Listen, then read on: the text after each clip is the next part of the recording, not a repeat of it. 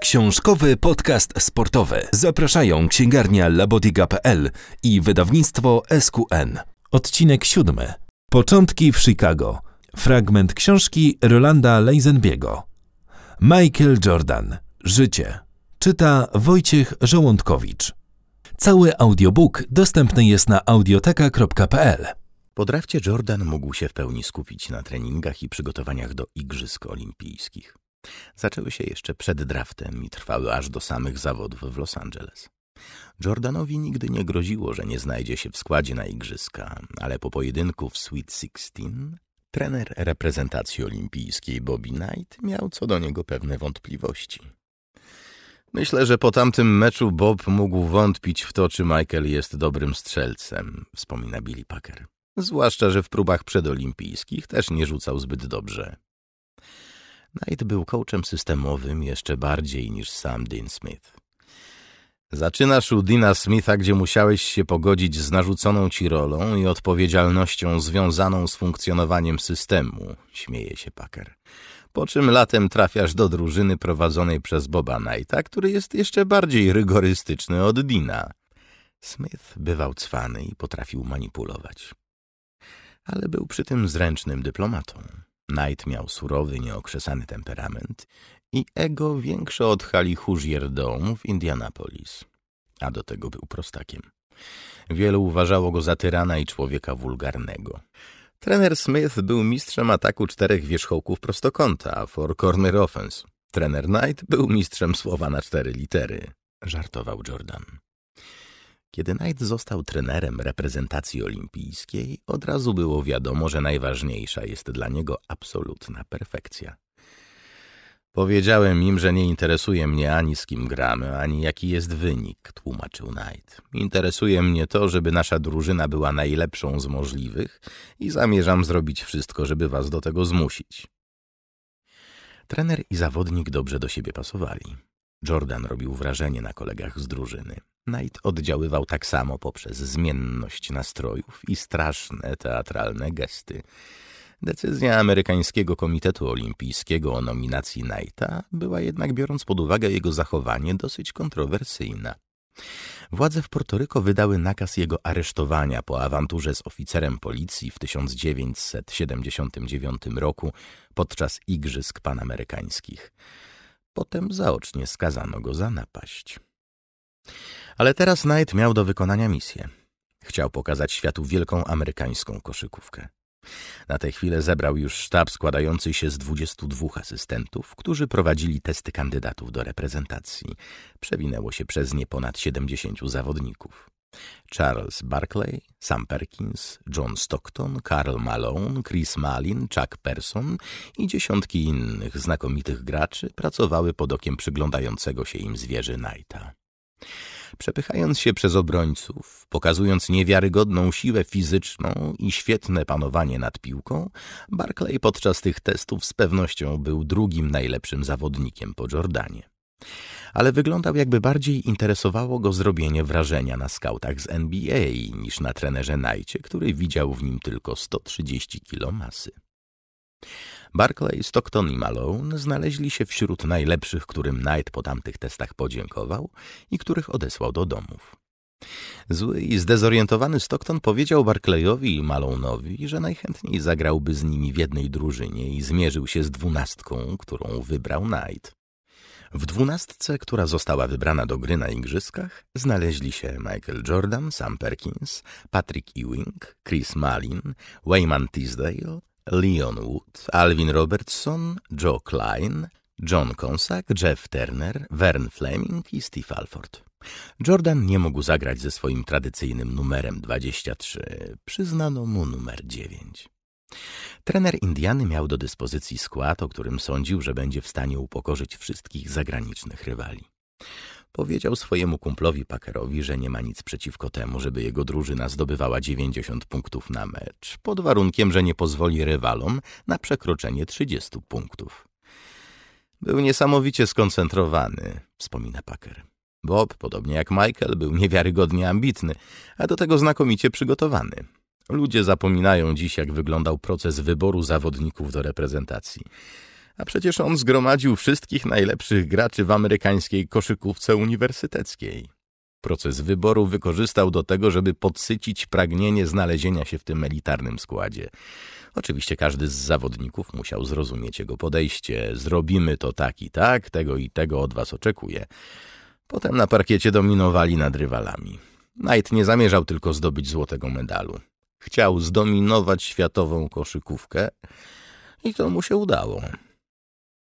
Tak naprawdę to już w meczach pokazowych przed igrzyskami, w których olimpijczycy grali przeciwko zawodnikom z NBA, Packer dostrzegł z bliska pojawienie się wielkiego Michaela Jordana. Dzięki wielu sezonom spędzonym na komentowaniu meczów i przyjaźni z Knightem siedział przy samym parkiecie podczas fascynujących dziewięciu meczów przed igrzyskami w Los Angeles, organizowanych przez Larego Fleischera z NBA. Podczas pojedynków pokazowych z kolesiami z NBA, mówił Packer, czasem zawodowcy na parkiecie są jakby nieobecni. Przychodzą, zakładają stroje, trochę grają. Ale podczas tamtych trzech czy czterech tygodni byliśmy świadkami mega rywalizacji. Temperaturę podgrzewali przede wszystkim Knight i Jordan. Tournée pokazowe rozpoczęło się pod koniec czerwca w Providence na Rhode Island. Kolejnymi przystankami były Minneapolis, Iowa City i Indianapolis, gdzie 9 lipca odbył się mecz przed tłumem kibiców. Kiedy przyjechaliśmy do Indianapolis, olimpijczycy wygrali już cztery mecze, wspomina Packer. I tamtej nocy zawodowcy chcieli tę serię przełamać. Larry Fleischer nie zamierzał się przyglądać, jak NBA przegrywa z grupką kolesi z uniwersytetów. Fleischer zaprosił do gry Larego Berda, Magica Johnsona, Isaiah Thomasa i kilka innych gwiazd, budując atmosferę, która zelektryzowała tysiące kibiców zgromadzonych w hali Hoosier Dome. Pete Newell, wieloletni mentor Knighta i jeden z asystentów w sztabie Team USA, zajrzał przed meczem do szatni olimpijczyków. Stary, nigdy w życiu nie widziałem kogoś tak zmotywowanego, powiedział potem Packerowi o Knightie. I mimo, że drużyna NBA była naszpikowana gwiazdami, to olimpijczycy w Indianapolis wygrali.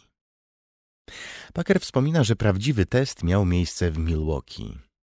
To wtedy po raz pierwszy zobaczyłem jeden z tych fenomenalnych popisów ofensywnych Michaela. Pierwszy raz zobaczyłem go grającego na takim poziomie. I to przeciwko koszykarzom z NBA. Kiedy wchodził pod kosz, Mike Dunleavy rozbił mu nos. Mecz był bardzo brutalny. Trenerem drużyny z NBA był Oscar Robertson. Bob Knight wyleciał po tamtej akcji z boiska. Michaelowi krew ciekła z nosa, a piłka odbiła się i poleciała do Knighta, który nie chciał jej oddać sędziom, więc go wyrzucili. Mało się wtedy nie pobili z Oscarem. Nikt nie liczył fauli, więc nie można było wylecieć z boiska za faule, a zawodnicy z NBA bez przerwy faulowali młodych chłopaków. Packer wspomina, że asystenci Knighta poprosili o przerwę na żądanie, żeby jakoś ustawić drużynę pod nieobecność głównego trenera.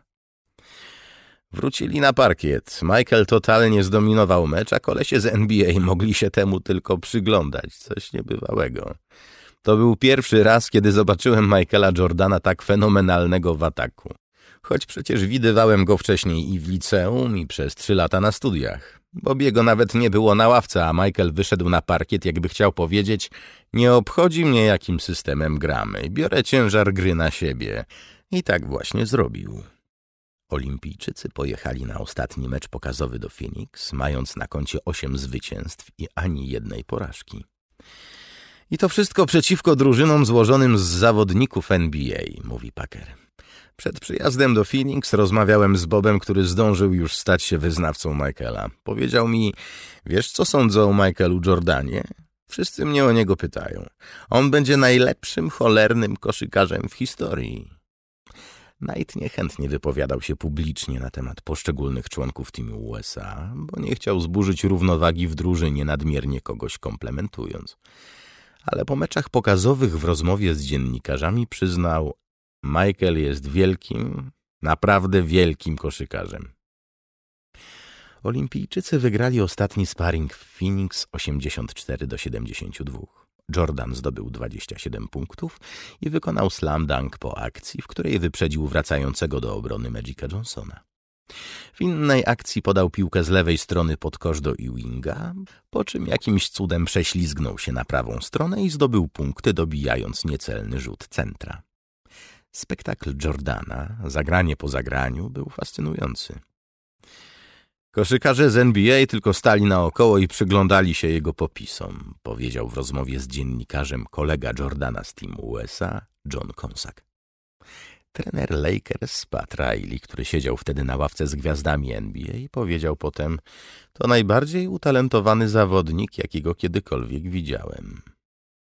Jordan zwrócił potem uwagę, że wyzwania związane z siłowymi pojedynkami podczas tamtych sparingów stanowiły dobrą zaprawę przed debiutanckim sezonem w NBA. Packer zwraca uwagę, że w składzie Knighta nie było klasycznego rozgrywającego, tylko zbiór wszechstronnych zawodników, z których najbardziej wszechstronny był sam Michael. Mógł on grać na trzech pozycjach, jako jeden z obrońców lub niski skrzydłowy. 1984 Turniej koszykarski podczas igrzysk rozpoczął się 29 lipca w hali Great Western Forum w Los Angeles. Rosjanie i Węgrzy go zbojkotowali w ostentacyjnym proteście przeciwko decyzji Stanów Zjednoczonych o bojkocie igrzysk odbywających się w Związku Radzieckim w 1980 roku. Amerykanie nie mieli bardziej wymagających rywali. Wygrali 8 meczów, średnio różnicą 32 punktów. Jordan był najlepszym strzelcem, zdobywając średnio 17,1 punktu na mecz. Było coraz bardziej oczywiste, do czego jest zdolny i jak bardzo jest wszechstronny, zwracał uwagę Packer. Ale to nie było tak, że wychodził podczas igrzysk na parkiet i zdobywał po 40 punktów. Ta drużyna nie grała w ten sposób. W systemowym ataku Knighta Jordan spędzał na parkiecie trochę mniej czasu i miał mniej sytuacji rzutowych, ale i tak doprowadzał tłumy kibiców i kolegów z drużyny do euforii, kiedy widzieli, co wyprawia podczas treningów i meczów. Kiedy Michael dostaje piłkę podczas kontrataku, mówił Steve Alford, to wiadomo, że może nastąpić tylko jedno, jakiś rodzaj slam dunku. Zawodnicy łapali się czasami na tym, że tylko się na niego gapią. Było tak, bo wiedzieli, że pewnie zaraz zrobi coś, czego nie wolno przepuścić. Amerykanie rozjeżdżali jednego przeciwnika za drugim, a któryś z dziennikarzy pokazał Jordanowi jakiś zagraniczny magazyn z jego zdjęciem na okładce i podpisem, że to najlepszy koszykarz na świecie. Zapytał Jordana, co o tym sądzi. Na razie, odpowiedział szczerze Michael, nie spotkałem nikogo, kto byłby w stanie powstrzymać mnie przed tym, co zamierzam zrobić. Najpierw zdominował mecze przeciwko drużynom złożonym z gwiazd NBA, potem upokorzył najlepsze reprezentacje narodowe. To było dla niego fantastyczne lato, a jego gwiazda zaczęła świecić coraz jaśniej. Jedyna dramatyczna sytuacja miała miejsce wtedy, kiedy Amerykanie zmarnowali 22-punktowe prowadzenie z drużyną RFN, a Jordan popełnił 6 strat i trafił tylko 4 z 14 rzutów. Knight zareagował wybuchem furii. Team USA jakoś się pozbierał i wygrał ostatecznie 78 do 67. W szatni wściekły trener kazał Jordanowi przeprosić kolegów. Powinno ci być wstyd za to, jak dziś grałeś, wrzeszczał na Jordana, który miał łzy w oczach, stojąc bez słowa w szoku przed resztą drużyny. Jordan był przywódcą. To jego ogień rozpalał członków każdego zespołu, w którym grał.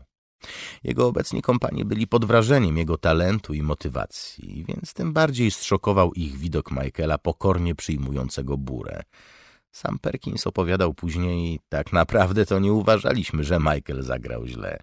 Wszyscy inni zagrali gorzej, ale trener Knight wiedział, jak on zareaguje. Wiedział, że go to dodatkowo nakręci. W późniejszych latach kariery Jordana oskarżano go często o to, że tyranizuje kolegów z drużyny. Może nauczył się tego w ciągu tych kilku miesięcy spędzonych z trenerem Bobim Knightem. Nie chodzi o to, że się go boję, mówił dziennikarzom piszącym o reprezentacji olimpijskiej. Ale to on jest trenerem, dzięki swojemu stylowi zarządzania odniósł sporo sukcesów. Nie zamierzam z tym dyskutować. Nie chcę się zastanawiać, co by było, gdybym miał dla niego grać przez cztery lata. Ale przynajmniej jest bezpośredni. Mówi to, co myśli. I nieważne, jakich używa słów, nikt nie ma problemów z ich zrozumieniem.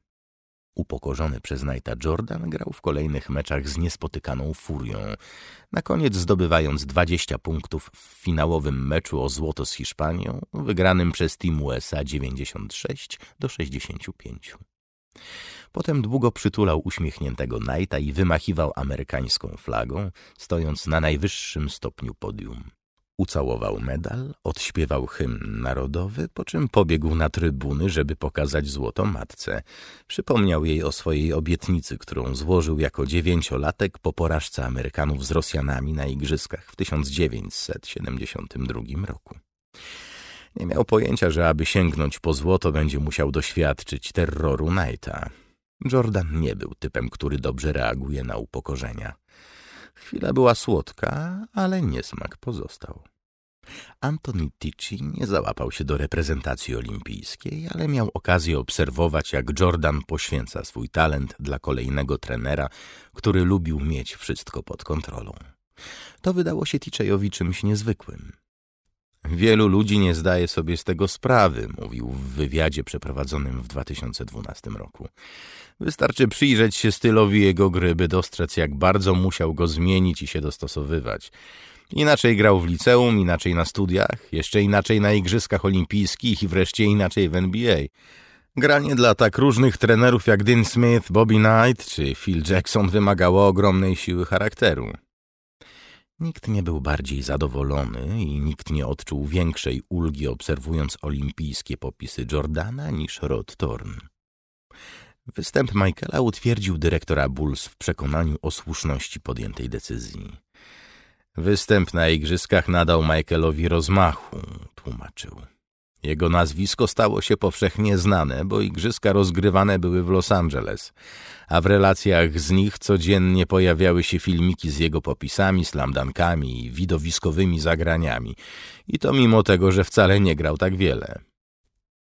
Dwa tygodnie później, 12 września 1984 roku, Bulls ogłosili podpisanie z Jordanem siedmioletniego kontraktu na 6 milionów dolarów, trzeciego najwyższego kontraktu w historii NBA.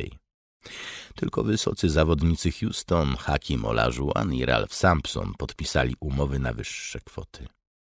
Był to zdecydowanie najbardziej lukratywny kontrakt podpisany z obrońcą. To był kompromis z cyklu ja trochę dam, ty trochę weźmiesz, żartował Jonathan Kowler z Bulls. Myśmy dawali, oni brali. Po kilku dniach inni agenci zawodników NBA zaczęli wyrażać przeciwne opinie. Jak to jest, że pewniak na gwiazdę NBA musi podpisać kontrakt rozciągnięty na 7 lat za niższe wynagrodzenie? To bez sensu, powiedział w rozmowie z Southtown Economics George Andrews, agent Magica Johnsona i Isaiah Thomasa. Agent Lee Fentress mówił z kolei, że kontrakt Jordana z pewnością wywoła w przyszłości problemy, zwłaszcza, że wysokości podpisywanych umów z zawodnikami rosły z każdym sezonem. Nie chciałem odgrywać roli Pana Boga, powiedział ogłaszając szczegóły kontraktu David Falk. Michael podjął tę decyzję razem z rodzicami.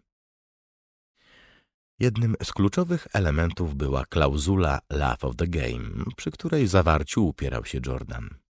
Standardowe umowy z graczami NBA zawierały paragraf, który pozwalał zespołowi na unieważnienie umowy w sytuacji, w której zawodnik doznaje kontuzji w ramach działalności nieuzgodnionej wcześniej z macierzystym klubem. Jordan chciał mieć możliwość rywalizacji w dowolnym miejscu i czasie, bez obawy o ewentualne konsekwencje, co wynikało właśnie z jego miłości do koszykówki. Drużyna zgodziła się na taki punkt w obliczu ustępstw, na które przystała rodzina Jordana. Moi adwokaci mieli trochę problemów z tą umową, ale ja byłem zadowolony, powiedział Michael dziennikarzom z Chicago. Cieszę się, że zamknęliśmy negocjacje i nie mogę się doczekać pierwszego meczu w Bulls. Ale to nie będzie show Michaela Jordana. Będę tylko częścią drużyny. Książek sportowych szukaj na labotiga.pl. Labotiga.pl. Największa księgarnia sportowa w internecie.